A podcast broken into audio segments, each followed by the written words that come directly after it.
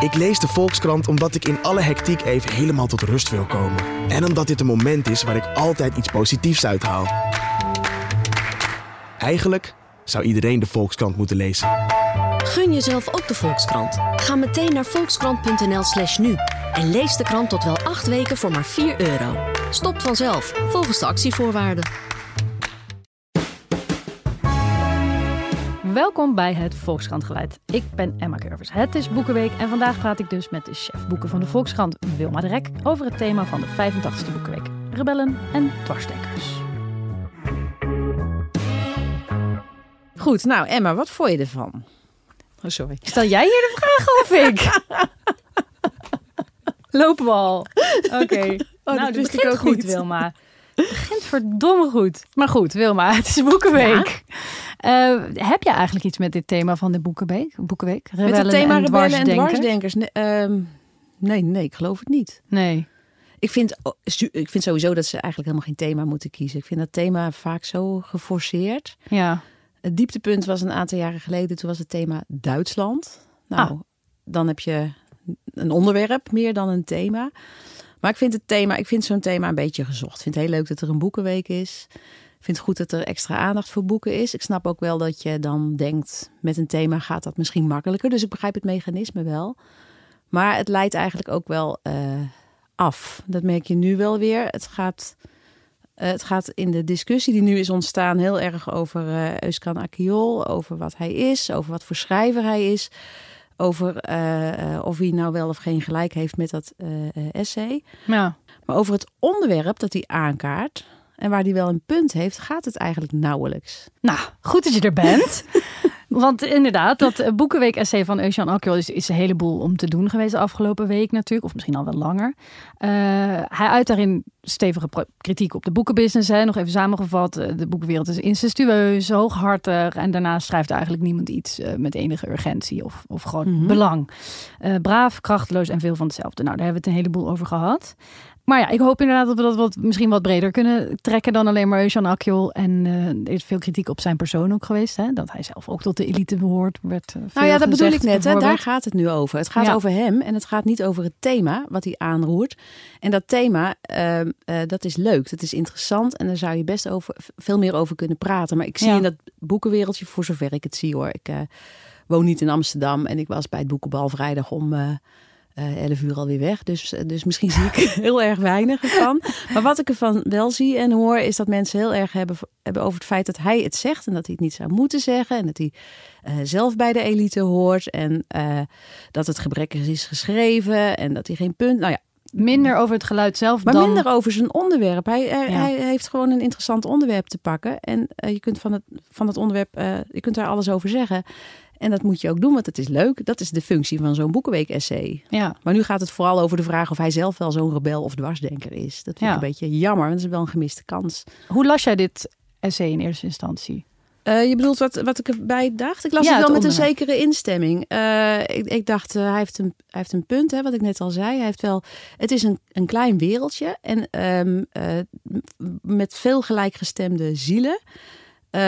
Alleen gaat het erom, welk wereldje heeft hij het over? Hij heeft het over een eh, boekenwereld, eh, over een deel van de boekenwereld. En dat noemt hij de boekenwereld. Ja, En daarin heeft hij volgens mij geen gelijk. Hij, hij, eh, hij gooit eigenlijk alles op één hoop. En spreekt dan van het literaire wereldje dat zo belangrijk en machtig is. ja.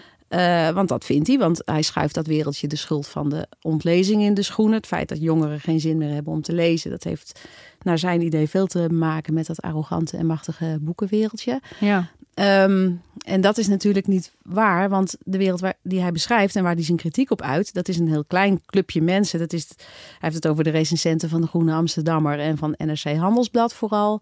ja. Eh, hij heeft het over eh, eh, boekhandelaren. Hij heeft het niet over de, de wereld waarin die 15-jarige jongeren die op dit moment zo slecht, eh, die, zo, zo laag geletterd zijn en zo weinig lezen, die, hebben, die, die, die, die weten niet eens dat de Groene Amsterdammer bestaat, denk ik.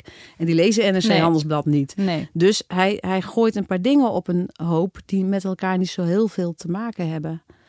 Ehm, maar dat, er een, dat, dat, dat het, eh, het literaire wereldje in Amsterdam eh, in zekere zin klein is en dat mensen elkaar kennen en dat ze allemaal dezelfde achtergrond hebben en voor een deel gevormd zijn door uh, dezelfde meningen en docenten en schrijvers. Daar heeft hij wel een beetje een punt, denk ik.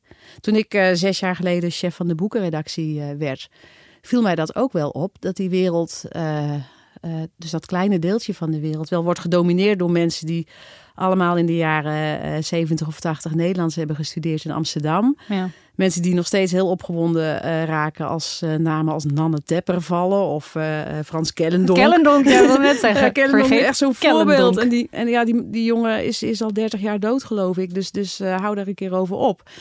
En, en Gerrit Komrij vindt ook iedereen geweldig. Nou, dus dat zie je, ziet, je ziet, daar heeft hij gewoon, dat heeft hij gelijk in. Dus jij kwam zes jaar geleden ook wel met een beetje het idee van daar moet iets aan veranderen? Nou, dat niet meteen. Je moet het eerst constateren dat het zo is. En uh, ik schrijf zelf niet over Nederlandse literatuur. We hebben het zo verdeeld dat ik uh, me iets meer concentreer op non-fictie. En uh, mijn collega Arjan Peters op, op fictie. Ja. Dus, dus maar ik, ik, ik, zie inderdaad wel dat uh, Euskan daar een, een, punt heeft. Dat hij zegt van het zijn mensen die elkaar allemaal beïnvloeden. En ze hebben ongeveer dezelfde smaak. Dat is wel zo. Als je, het zijn generatiegenoten die ook weer hun, hun ideeën doorgeven aan anderen. En daarmee krijg je inderdaad altijd een bepaalde kringvorming. Ja, ik weet niet hoe je dat moet noemen. Ik weet niet maar, of dat het goede woord is. Ik moet zeggen, ik las dit ook ik, ik, het klopt dat hij het heeft over de recensenten van de Groene Amsterdammer, maar dat zou je kunnen zien als een beetje een veilige route. Ik kies een mhm. heel klein medium, maar het gaat natuurlijk in bredere zin over alle kranten en alle recensenten. Ik las dit ook als wel een aanklacht aan het adres van de Volkskrant. Heb jij dat niet zo gelezen? Uh, nee, ik heb, ik heb dat niet zo gelezen, omdat hij die. Uh, natuurlijk horen wij erbij. Neem ik, ik neem aan dat wij daarbij horen, maar hij, hij zegt dat niet. Hij schrijft dat niet. Ik neem aan dat hij dat anders wel geschreven zou hebben. Uh, waarmee ik niet wil zeggen dat wij veel beter zijn dan anderen of heel anders schrijven dan anderen. Want dat is wat ik net bedoelde te zeggen. Als je uh, het hebt over dat wereldje, dan horen wij daar natuurlijk bij. Ja. Maar als je kijkt naar de macht van dat wereldje, dan is die macht eigenlijk niet zo heel erg groot. Want uh, hij schrijft bijvoorbeeld over Lucinda Riley. Hè? Dat is, ja. Die heeft met haar Zeven Zussen serie enorm, enorm veel boeken verkocht. Dat is voor heel veel mensen in het boekenvak goed. Het is voor de branche goed. Het is voor de boekhandel goed. Het is voor de uitgever uh, goed. Nou, uh, uh, het feit dat zij zo succesvol is, laat eigenlijk al zien dat dat kleine elitaire wereldje dat niet over haar heeft geschreven of haar niet heeft gerecenseerd helemaal niet zo machtig is. Nee. Want, want ja, het is of het een of het ander. Of wij negeren haar, wij klein wereldje. En, en die boeken doen verder niks. Ja. Of wij schrijven haar de hemel in en ze wordt een bestseller-auteur. Maar dat is dus niet zo. Dus, dus je ziet, en, en daar had ik het met hem over toen ik hem uh, sprak over dit uh, essay. Ja. Het boekenwereldje, dat is niet alleen maar de Volkskrant, de Groene Amsterdammer en NRC Handelsblad. Uh, want er zijn ontzettend veel tijdschriften die over boeken schrijven. De Libelle schrijft er ook over. En uh, de Jan ook. En de Linda ook. En uh, nou ja, je kan, je kan die rij eindeloos aanvullen. Ja. En hij plukt daar dus een heel klein groepje uit. Die verwijt hij eenstemmigheid, waar hij voor een deel gelijk in heeft. Maar hij maakt de denkfout dat dat kleine clubje de hele wereld is. En dat is niet zo. Ja. Dus je zegt het is ook het een of het ander eigenlijk. Ja. Ofwel negeren wij Lucinda Riley en, en daardoor mhm. wordt er, komt er een afstand tot het publiek. Ja, nou ja, als, als het, als het zo zou zijn dat de boeken die wij allemaal recenseren en goed vinden... Uh, en de schrijvers aan wie wij aandacht besteden... dat dat dus inderdaad de bestseller-auteurs zijn... dat die boeken het zo geweldig goed doen... dan zou die een punt hebben. Dan zou die kunnen zeggen van... Uh, kijk, jullie, jullie besteden daar aandacht aan. Die worden heel erg groot. Maar de mensen die jullie verwaarlozen of die jullie negeren die hebben helemaal geen, uh, daar gebeurt niks mee. Maar dat is dus helemaal niet zo.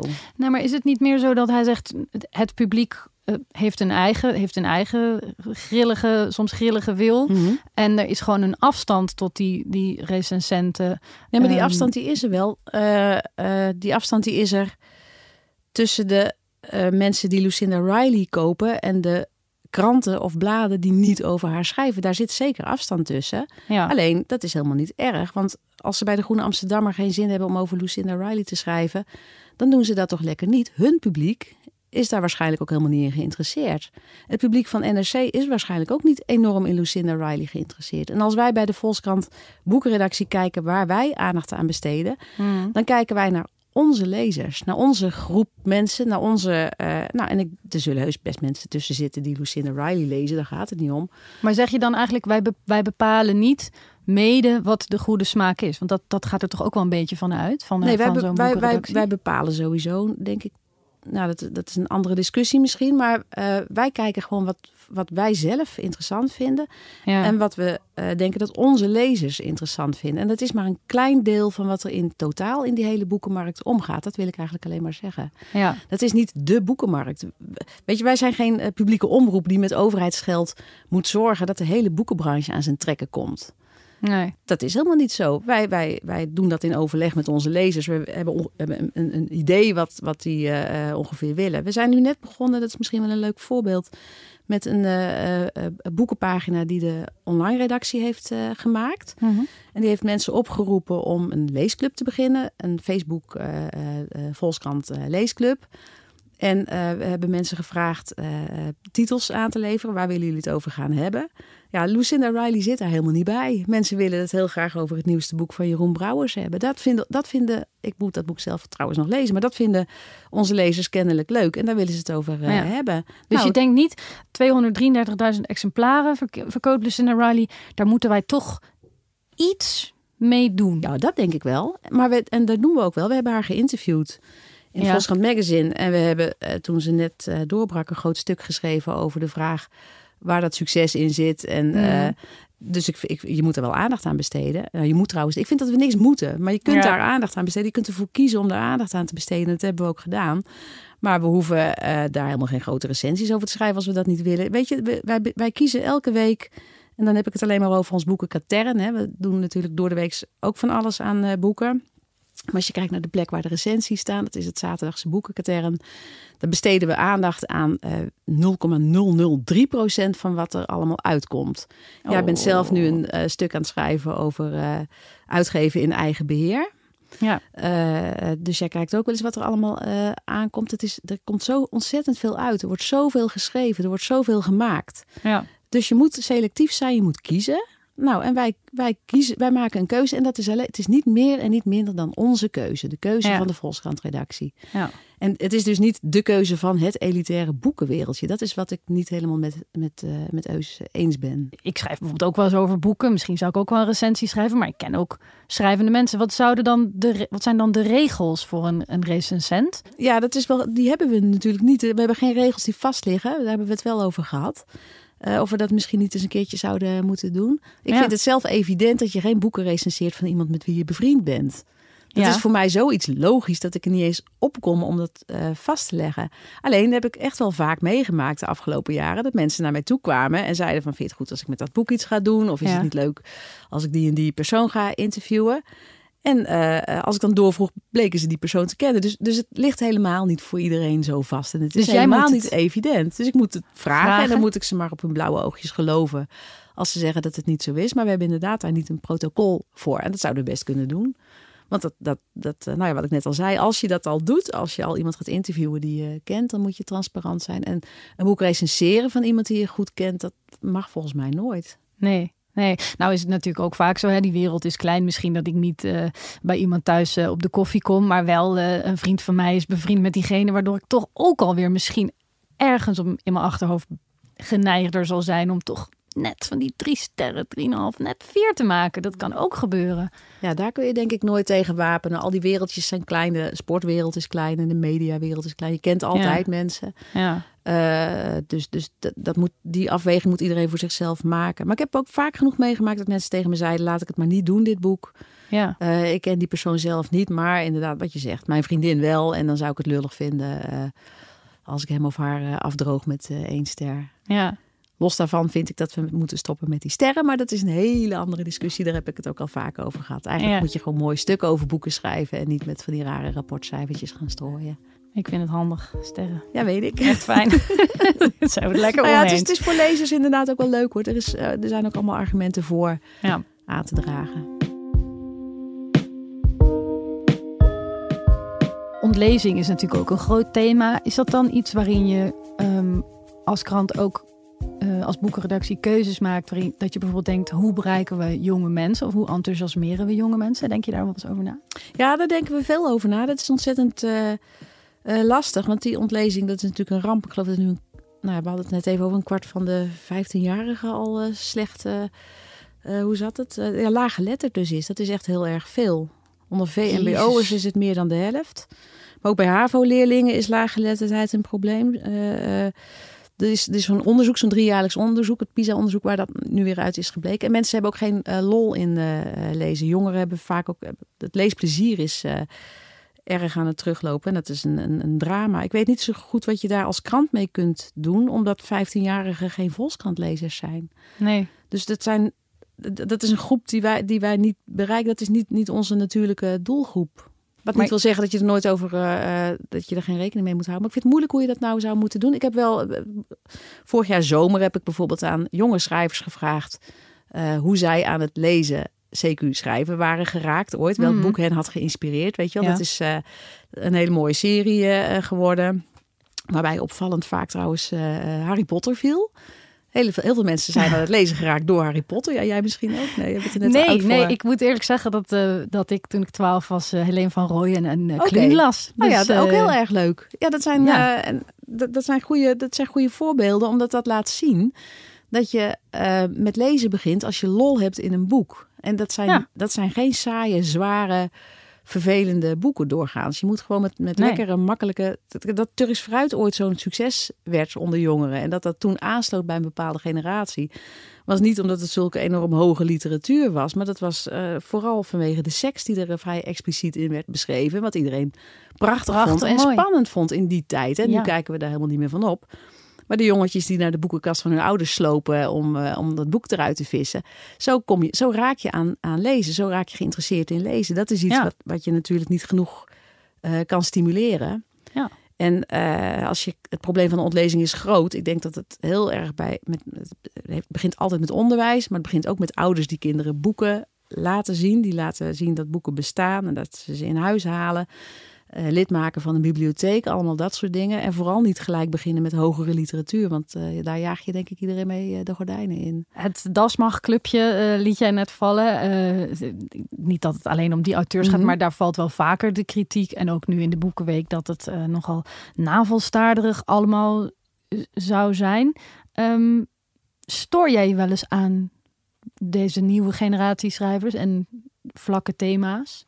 Uh, nee, want ik vind het niet zulke vlakke thema's. Ik ben dat niet met uh, Eus eens. Um, ik denk dat het een hele natuurlijke neiging van mensen is om te schrijven over de dingen die hij zelf, hij of zij meemaakt. En ik denk dat de naoorlogse generatie andere dingen meemaakte. Die hadden een groot conflict met hun ouders vaak. Uh, omdat, omdat, omdat ouders toen nog heel anders hun kinderen opvoeden. Dit klinkt mm. allemaal vreselijk generaliserend, want uitzonderingen waren er natuurlijk ook. Maar er speelden uh, geloofskwesties. Uh, daar danken we allerlei types aan. Jan Molkers, Maarten het Hart, nou noem ze allemaal maar op. Die allemaal zichzelf moesten uitvinden en ontdekken. En zich af moesten zetten tegen die generatie boven hen. Uh, dus dat ging toen hand in hand. Die, die schrijvers die maakten ongeveer hetzelfde mee als hun lezers. Dat was een beetje dezelfde wereld. En dat heb je denk ik altijd. En dat gebeurt nu ook. Mensen die nu uh, 25, uh, 30 zijn, hebben vaak uh, ouders die dan nu in de 50 zijn of rond de 60 zijn. Ja. Nou, dat zijn nog pre-babyboomers. En die hebben heel vaak niet een totaal ander leven dan die kinderen. Dat, dat conflict speelt daar veel minder. Dus dat, dus, dus dat jongeren uh, schrijven over hun eigen wereldje en hoe ze zich uh, een weg moeten banen in een wereld die wordt geregeerd door internet en die opeens heel groot is geworden. En uh, waar, ja, dat, dat zijn gewoon hun natuurlijke onderwerpen. Dus ik vind, ik vind het niet navelstaardig. Ik denk dat elke generatie opnieuw schrijft over hoe hij met die grote boze buitenwereld moet omgaan. En die wereld verandert en zij veranderen mee. Over tien jaar schrijven de mensen die nu 18 eh, zijn uh, en dan 28 over dingen waar, waar wij ons nu nog geen voorstelling van kunnen maken, waarschijnlijk. En die zijn dan ook. Ik denk dat je per definitie navelstaarderig uh, schrijft. Oh, je vindt navelstaarderig eigenlijk helemaal niet een, een, een, een, hoe noem je dat? Een disqualificatie. disqualificatie. Nee, nee, navelstaarderig schrijven is schrijven over je eigen wereld.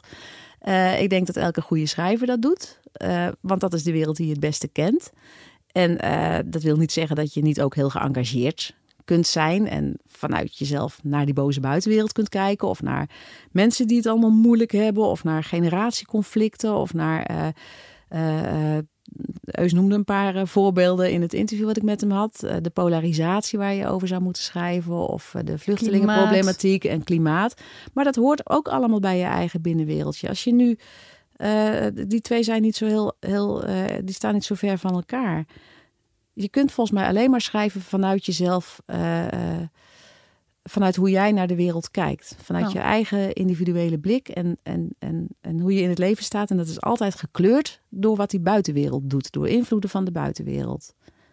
Jij groeit, jij Ja. groeit in, nu in een andere tijd op dan eh, de tijd waarin ik opgroeide. Die, die, Ja. die was anders. eh, voor, voor een deel ook wel weer hetzelfde, maar Ja, daar maar werden je- andere accenten. Dat, dat neem je allemaal mee in dat. Ja, maar je kunt zeggen, deze generatie heeft gewoon eh, het te goed gehad. En daardoor hebben we nu saaie, saaiere boeken. Dat, dat zou je kritiek Vind jij dat? Ik vind dat niet per se. Ik vind ook dat je over een navel met de juiste Mhm. stijl een prachtig boek kunt schrijven. Eh, ik wil het graag lezen. Ik vind het moeilijk te beoordelen hoor. Dat is eh, natuurlijk omdat ik weer van een andere generatie ben. Ik vind het, ik vind het geen, geen saaie boeken, geen navelstaarderige boeken. Eh, dus die kritiek deel ik niet zo. Ik denk wel dat je gelijk hebt als je zegt deze generatie heeft minder meegemaakt als het gaat om oorlog en, en dat soort. Het is een andere generatie met een andere Nou ja, collega's. geschiedenis. Het, het gaat ook over bijvoorbeeld, hè, collega eh Harold Kraak schreef onlangs een Ja. stuk in de krant over dat schrijvers vaak over schrijvers sch- schrijven. Mhm. En ook niet meer zozeer buiten hun eigen belevingswereld durven te treden. In de schoenen van iemand anders durven te gaan staan. En dat dat ook Nou, te dat maken is- zou kunnen hebben met identiteitsdenken dat, Ja. dat nu eh, leeft. Zie jij daar iets in? Eh, ik denk dat, eh, ik vind schrijvers die over schrijvers schrijven, dat, is, dat getuigt wel van een zekere armoede. Dat geloof ik wel. Eh, ik denk dat schrijvers moeten, denk ik, meer dan hun. Ze hebben hun eigen leventje als uitgangspunt. Maar dan moet je in dat leven wel wat meemaken. En als jouw eh, leven is dat je schrijver bent. Dan maak je niet zoveel mee. Dan zit je binnen achter je laptopje te wachten tot er iets gebeurt. En dan, als er niks gebeurt, schrijf je daarover. Eh, dat lijkt, ik, ik denk dat je gewoon altijd. eh, dat is misschien een verschil met, met een generatie schrijvers van vroeger. Eh, zoals W.F. Hermans of zo, die, die gewoon hele andere banen hadden. Of Simon Vesdijk, ik noem er even maar een paar. Die mensen hadden, Jan Wolkers dan weer, hè, die was beeldend kunstenaar. Mensen hadden werk, maakten dingen mee, waren ook schrijver. Maar hadden dus een heel bestaan buiten dat schrijverschap. En ik denk dat nu zo ontzettend veel mensen denken dat ze schrijver moeten worden. Eh, eh, dat ze dan al gaan zitten met, nou, ik ben dus schrijver, nou kom maar op. En dan gaan ze schrijven. Alleen ja, ze hebben nog niks meegemaakt om over te schrijven. Dat is volgens mij wel een probleem van deze tijd. Je moet wel iets meegemaakt hebben. Nou ja, je moet gewoon, je moet een normaal leven hebben. En daar, hoort, daar horen banen bij en er horen mensen bij die je, die je spreekt. En daar hoort een bepaald omveld bij. En als je alleen maar binnen de muren van je kamertje zit en, en dan besluit dat je schrijver bent. Dat kan hoor. Er zijn wel, er zijn wel mensen die dat kunnen. Dan moet, je, dan moet je een diep filosofisch eh, instelling hebben en een verstandig brein. En dan kun je daar vast hele interessante dingen mee doen. Maar ik geloof wel dat het interessanter is als je ook een bestaan hebt naast het schrijverschap. Maar de vraag nog eigenlijk was over dat identiteitsdenken. Of jij dat ook terugziet in de, in de boeken van nu. Dus de, de huivering om, om jezelf in de, in de schoenen van een ander te... Oké, je bedoelt de culturele toe-eigening, eh, eh, de discussie van mag ik schrijven over iets dat ik niet zelf heb meegemaakt? Ja, Ja, nee, dat vind ik echt. Natuurlijk mag je altijd schrijven over alles wat je niet hebt meegemaakt. Dat is de essentie van schrijven. Je verplaatsen in, in anderen mag altijd. Maar ik bedoelde net alleen maar te zeggen: eh, het enige wat je hebt als materiaal is wel je eigen hoofd en Ja. je eigen verbeeldingskracht. Eh, dat, is, dat is het uitgangspunt. Dus toen we het hadden over navelstaarderig schrijven, ik denk dat dat niet bestaat. Want ik denk dat iedereen navelstaarderig schrijft. Maar eh, natuurlijk mag je je verplaatsen in, eh, in ieder ander met alle middelen die je daarvoor hebt. Eh, ga, ergens een jaar werken om inspiratie op te doen. Als je inderdaad over een bepaalde wereld wil schrijven, ga ergens naartoe. Eh, begeef je vooral buiten je eigen paden als je dat wilt. ja. Nee, ik vind mensen die zeggen dat je alleen maar mag schrijven over iets wat je zelf bent of zelf meemaakt. eh, dat vind ik echt totale flauwekul. ja, ik geloof dat dat ook niet zo vaak de kritiek is. Maar wel de vraag aan jezelf stellen van... ben ik de aangewezen persoon om de beleving van deze persoon... ik noem maar wat, stel ik wil een boek schrijven over een eh, zwarte vrouw... of zo, ben ik de aangewezen persoon om dat te doen? Dat je jezelf die vraag stelt. Eh, ja, en dan is het antwoord eh, misschien van nu nog niet, want ik weet er nu niks van. Maar als ik me daar een jaar of twee in ga verdiepen en ik ga met mensen praten, dan durf ik daar best iets over te zeggen. En als lezers dan zeggen, eh, nou je hebt er helemaal niets van begrepen, dan kopen ze het boek gewoon niet. Ja, iedereen mag toch altijd alles zeggen en schrijven en doen waar hij zin in heeft. Ik vind dat, dat vind ik wel inderdaad iets wat je nu eh, eh, soms ziet, een nieuw soort censuur Ja. die dan heel erg in die identiteitsdiscussie zit. En waar ik geen fan van ben. Ik denk dat Maar je, is die censuur recht? Ik bedoel, die boeken, boeken komen er toch alsnog? die boeken komen er nu wel. En hier speelt het ook helemaal niet. Maar in Amerika is het, denk ik, anders. Ja. Denk dat daar wel uh, de, angstig af en toe met dit soort onderwerpen wordt omgegaan. Uh, ja. Er zijn wel voorbeelden van hele discussies die erover worden gevoerd. Hè? En, en, schrijvers die worden, uh, die worden bekritiseerd omdat ze inderdaad schrijven over onderwerpen die niet dicht genoeg bij hen zelf liggen. Ja, ja Arjen van Velen schreef daar in de Groene Amsterdammer een heel stuk over. Over die Amerikaanse schrijfster wiens praatjes werden afgezegd en eigenlijk gecanceld werd nog voor het verschijnen van haar boek. Ja. Ja, maar dat ja, dat vind, vind, ik echt niet snel gebeuren. Nee, toch? nou ja, dat hoop ik maar. Een heleboel van die rare Amerikaanse modes komen ooit toch hier naartoe. We zijn best op Amerika gefocust. Ook, en dat zie je ook wel bij ons in de krant terug. In hoe we schrijven over televisie en zo. Dan uh, denk ik van nou jongens, uh, laten we ook een beetje naar andere landen kijken. Kijk eens gewoon wat, naar wat in Frankrijk en in Duitsland gebeurt. En in Spanje en in Italië. Er zijn ook allemaal interessante bewegingen gaande. En de nadruk ligt altijd wel erg op het Angelsaksische. Omdat, omdat veel mensen die taal spreken. En het daardoor dichterbij lijkt. En we soms misschien een beetje vertekend naar uh, de wereld kijken. Heb je nog een uh, hele rebelse boekentip voor de lezer? Nou, um, ik heb wel een rebelse boekentip.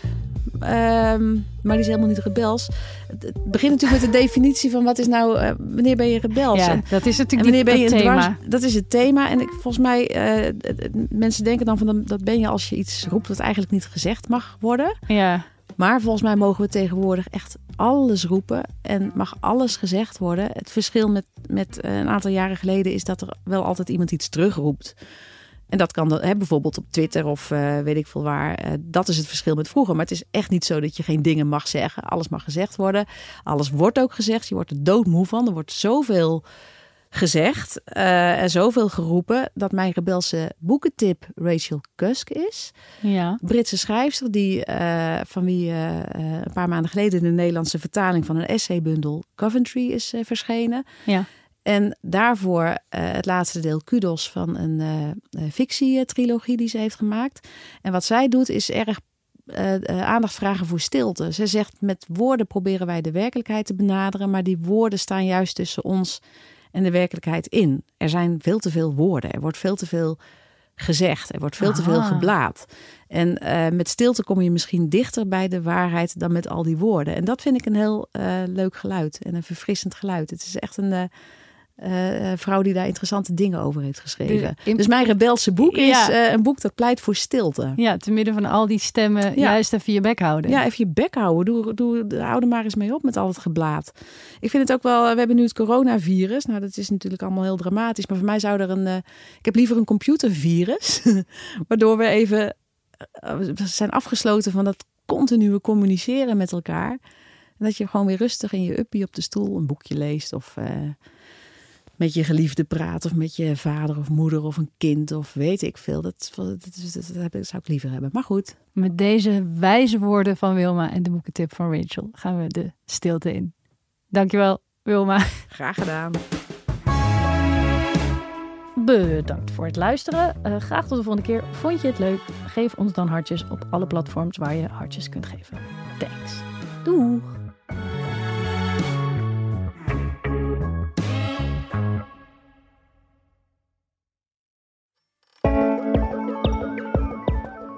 Hi, mijn naam is Tony Mudde en ik ben chef van de wetenschapsredactie van de Volkskrant. Binnenkort te beluisteren via al je favoriete podcastplatforms Ondertussen in de Kosmos.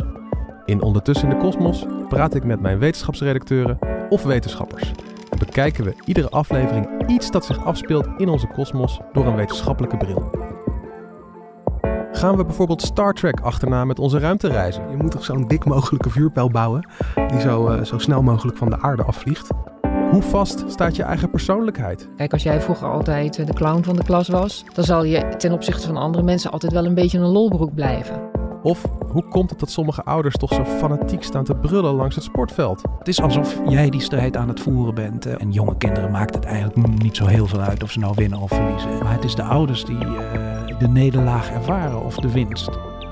Binnenkort te beluisteren via al je favoriete podcastplatforms of volkskrant.nl/slash podcast. Ondertussen in de Kosmos, de podcast van de wetenschapsredactie van de Volkskrant. Abonneer je dus nu alvast, zodat je geen enkele aflevering mist.